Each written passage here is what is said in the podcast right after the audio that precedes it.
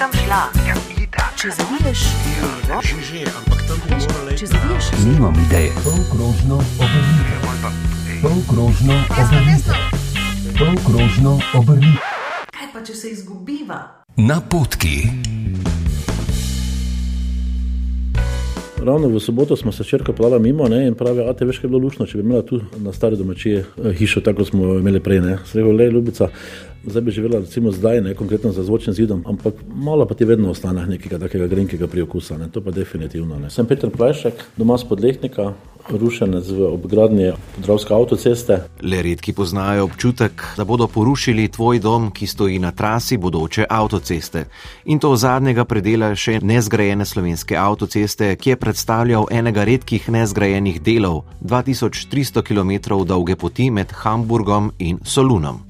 Pa pojdimo po vrsti. Potek celotne gradnje je potekal v dveh delih. Najprej je bil zgrajen odsek Slivnica Draženci. Ivan Vogrinec, predsednik civilne inicijative za izgradnjo avtoceste, povdarja, da je njena izgradnja prinesla pomembne spremembe za okolje in prebivalce tega predela države. To je bil mednarodni promet, celo to je bilo v največji sezoni, takrat se spomnim, da je v časopisu pisal eh, izmerjeno 75 tisoč vozil na dan, to je bilo nemogoče prenesti. Kmetovalci smo imeli velik, velike probleme, ker poletje je spravilo krme in smo čakali v koloni, da smo lahko krmo domov pelali, včasih eno uro še več. In zato smo tudi potem se odločili, da naredimo civilno inicijativo, ki pa je bila zelo pozitivna, ni bilo nekih eh, kreganj, ljudje so, bili zadovoljni, da se začne delati avtocesta in smo imeli, imeli veliko podporo. Mi smo ustanovili civilno inicijativo leta 2001, najprvo smo bili sprejeti bolj tak, v manjšini, potem pa so se ljudje kar pridruževali. In to od Miklauža do Gruškovja smo mi imeli inicijativo, nas je enih 30 ljudi, vključili so se strokovnjaki, gradbeniki. Največji problem pa je tu bil umestitev v prostor, vsaka občina je imela svoje poglede in mi smo glih na tem posvetu to nekako uskladili, da so se župani združili tudi. To je bil taki prvi sestanek, mislim, celotne regije skoraj. In smo bili uspešni po terminskem planu, potem smo nadaljevali izgradnjo in zdaj smo zadovoljni. Avtocesta nam je odnesla promet velik, smo si vdahnili, živimo mirno, lepo. To je čisto drugo življenje, to je ne, neverjetna pridobitev. Tu so podvozi, tu so podhodi za, za živali, divjad. Tako da je urejeno, tudi na vodnem obmo- območju, od kanalizacije, vse to, tako da ta cesta je vrhunsko zgrajena in brez problema, mislim, da je zelo v redu narejeno. Veliko zaslug za izgradnjo drugega odseka od Dražencev do Gruškovja pa mnogi pripisujejo bivšemu županu občine Podlehnik. Marko Mavčič povdarja, da je bil pričetek gradnje avtoceste dolgo pričakovan. Promet se je začel skoncentrirati proti smeri Zagreba, sploh takrat, ko je bilo še eh, veliko preseljevanje narodov, poleti, eh, Turki, ko so hodili na jug in potem, ko so se vračali, je tranzit. In seveda napaka te gradnje takrat je bila, da so obljubljali že takrat izgradnjo avtoceste, tudi že nekaj pripravljali, zato niso bili zgrajene izvennivojska prečkanja preko doline ampak v nivoju in to je seveda eh, povzročilo velike probleme za lokalno prebivalstvo, kajti so morali to izredno prometno cesto prečkati in se izpostavljati nevarnostim, ki so se nekatere žal tudi tragično končale. Med drugim tudi moj predhodnik je tragično premenil ravno v prometni nesreči, župan Vekoslav Fric in potem se je tudi začela ta moja, jaz nikoli ne bi verjetno kandidiral, ker je bil odličen človek, odličen župan, ampak je tudi avtocesta terjala njegov življenje in potem je nekako tudi civilna pobuda prišla, da mene kot gozdarja v, in domačina nekako spodbudijo, da naredimo na tem področju konec, da začnemo graditi avtocesto in seveda ena izmed prvih nalog, ko sem prevzel lokalno skupnost leta 2006, je bila, da začnemo intenzivno eh, pritiskati na državo, na DARS, da se začne pripravljati dokumentacija in izgradnja eh, avtoceste Draženci Gruškove, kajti projektna dokumentacija in del gradnje Slivnica Draženci pa je takrat se že odvijal in je bil v bistvu leta 2008 zaključen, ker nam pa ni bilo jasno, kako je možno eno cesto od Draženc do Gruškove razdeliti na dva dela, tudi projektno. V bistvu je eno cek ne, in ravno mi smo teh zadnjih 12 km ostali brez avtoceste. Leta 2008 je bila že zgrajena do, dejansko do Ptujskega južnega priključka, pri nas pa še ne. In seveda takrat že na sami otvoritvi tega eh, avtocestnega dela od Silnic do Draženc, smo izpostavili prvi protest, ko smo eh, šli z del občanov, gasilci, naš direktor občinske uprave, bil in jaz, na samo otvoritev že za transparenti, da smo upozorili, da smo tudi mi v nadaljevanju tega projekta in nekako izsilili, da se je začel ta projekt tudi bolj je se pripravljal, vendar smo ga začeli pospeševati. Napotki.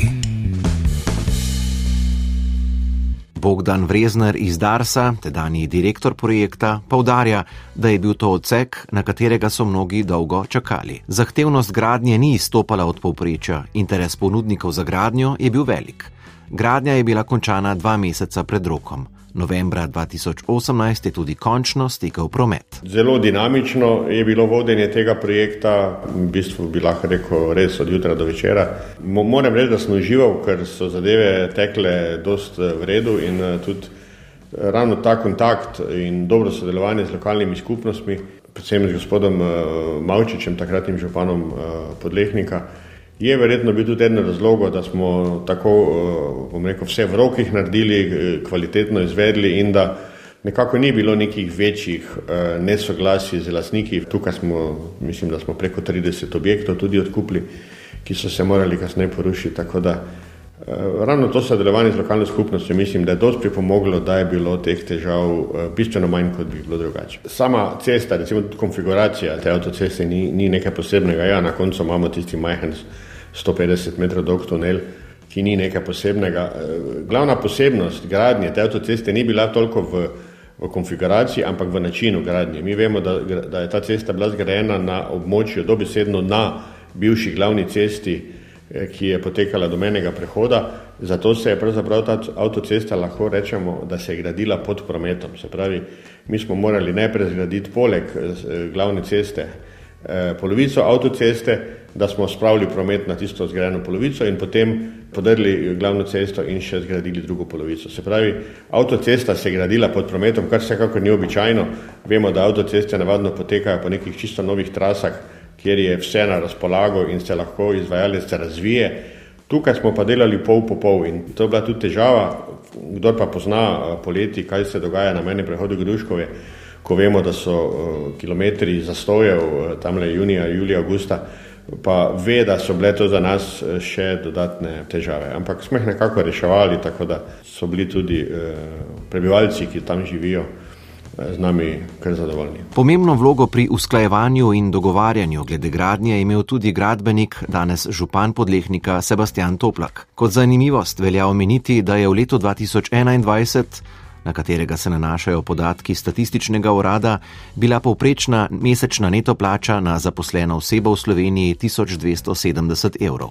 Nad tem povprečjem je bilo le 25 od 212 slovenskih občin.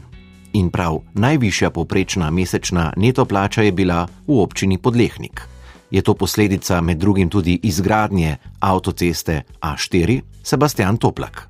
Ja, to je dobro vprašanje. Torej, zdaj, statistično je povezano s tem, da imamo, seveda, eh, bi rekel, malo delovno, ker se je potem to delilo na delovno aktivno prebivalstvo v občini. Torej, pri plače, ki so se izplačevale, se deli glede na število delovno aktivnih v občini. Samezni, seveda, če imaš malo število delovno aktivnih, seveda lahko manjše število bolje plačanih seveda vpliva na neke višje poprečje. Ne. Imamo torej sigurno nekaj teh pravnih subjektov, ki nadpoprečne plače izplačujejo. Zdaj, mi smo delno tudi povezovali, moče ne samo neposredno z avtocesto, ampak ključno z avtocesto in mejnim prehodom, ne Gruško je ne na zadnje. Mislim, da celo po, novejših, po najnovejših podatkih celo najbolj prometno mejni prehod v Republiki Sloveniji ne, za obrežjem, ampak in seveda imamo tu dve policijske postaje v naši občini, obmejno in podlehniško Ljubljana policijska postaja, ne, kar nekaj subjektov je na samem menem prehodu in uh, mogoče je to tudi temu, ali pa zagotovo je tudi to delno prispevalo k verjetno tudi višjim prihodkom. Ne. Torej, mi smo seveda uspeli Vključno z avtocesto, seveda to državno sporedno cesto umestiti v državni prostorski načrt, je tudi Darsi jo izgradil in seveda v sklopu tega so tudi bili izvedeni recimo pločniki. Mi imamo več kot 10 km pločnikov, ki so se zgradili v tem času, javna razsvetljava in ostale, to je spremljevalna infrastruktura, ki bi sicer, če bi ta projekt ostal na nivoju direkcije za infrastrukturo, prešlo na lokalne skupnosti.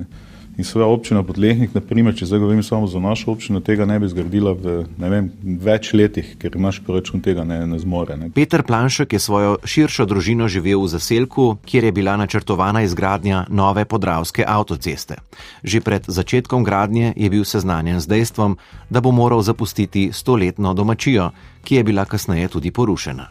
Danes živi v novi hiši, novem domovanju. Misli pa vseeno še vedno uhajajo v preteklost. Gradna avtocesta je posegla v naše življenje že krepko pred samim uh, fizičnim začetkom. Ne? Naša domačija tam na slabih sto let, mogoče na tej lokaciji smo se nahajali, nam je bil v bistvu kot nek vrste zaselek. Živel je betranec za družino, uh, brat je imel svojo hišo, pa naša skupna druži- družinska hiša, kjer sem živel z mamo, z sestro in pa z mojo družino. Ne? Pol pa, ko pa zadeva pride tako daleč, da se enkrat ve, da se bo gradilo, da se bo cesta gradila, pa da boš rušenec, se pa začne zadeva odvijati relativno hitro. Je pa to zelo stresno, je pa to zelo, stresni čas, ker enostavno iščeš nadomestno lokacijo, potekajo pogajanja z cenitvijo, moraš ne veš, kam bo šel, ni to prijetno. Dejstvo pa je tako, da na koncu ne samo to, da vse, kar pač gradnja pa to samo potegne za sabo, eh, težava še je v tem, da ko si že enkrat preseljen, eh, zamenjaš tudi socialno okolje.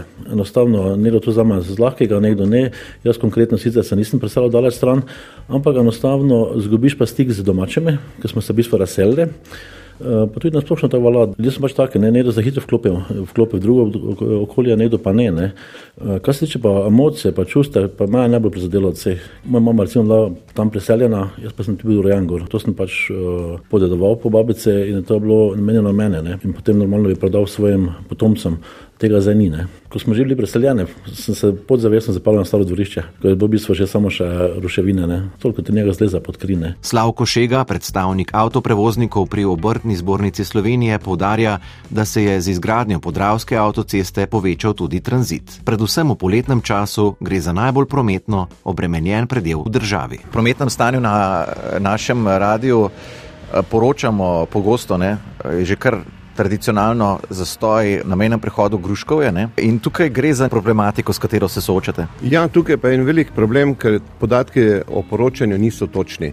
Poroča se podatek čakanja do hrvaške meje, ker se podatki dobijo iz HAKA, Hrvaškega informacijskega centra, nikako se pa ne dobiva ta del, ki je med Hrvaško in Slovensko mejo, ki je kilometr dolg, tukaj pa kamioni porabijo tudi do 3 ure dodatnih za prestop meje. Kar pomeni, če poročamo eno uro, čakalne dobe pride 4-5 ur čakalne dobe. To pomeni, da med vikendom vozniki uh, tovornjakov, tovornih vozil nekako obstanejo v nekakšni sivi coni med mejnima prehodoma. Točno tako je, ostanejo tam in čakajo 14 ur, da se sprosti omejitev prometa v Sloveniji. Uh, Dejansko pa je problem, ker Avstrija zapre pr- tovorni promet že v soboto, treh popoldan in seveda vozila, ki prihajajo iz tega južnega dela proti severu, nimajo možnosti odhajati v Avstrijo in naprej proti Nemčiji, potem pa ostajajo na, seveda na parkirnih mestih med mejnim prehodom Gruškove in Šetiljem. Največji problem pa so vozniki, ki čakajo med mejami, da prestopijo mejni prehod Gruškovje. To je pa čakanje tudi 20 ur in celo noč in cel dan na soncu, kadar je sonce čez dan poletne sezone. Vas sprašujem, kako izgleda počitek tega voznika, da potem potuje naprej delovno aktivnost. Če bomo tako nadaljevali, kot eh, pričakujemo zdaj z Schengenom, no, sem prepričan, da se bo promet na tej relaciji sever-jug povečal in bojo potrebe po čvoru parkirnih mest in seveda po potrebah sanitarnih eh, zadev še se povečali. In jaz apeliram na vse organe, ki so pristojni, da začnejo razmišljati, kar se že nekaj časa, dve, tri leta pogovarjamo, dodatnem izgradnji parkirnih mest za tovorna vozila, pa žal se do zdaj ni premaknilo ničesar in mislim, da je zadnji čas, da država pomisli o tem, da poskrbi za te ljudi, gre se predvsem za varnost na cestah, ne samo za počitek teh ljudi, ker če niso spočiti, niso primerni za vožnjo naprej in vemo, kaj pomeni 40-tonsko vozilo, če povzroča nesrečo ali podobno. Čeprav gre po A4 ponekod počasi, najmlajša avtocesta v državi teče po lepem predelu, ki od Dravskega polja do Halos kar kliče po obisku.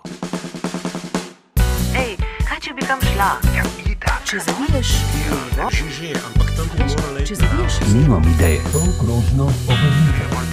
Polkrožno obrnite. Polkrožno obrnite. Kaj pa če se izgubiva? Na potki.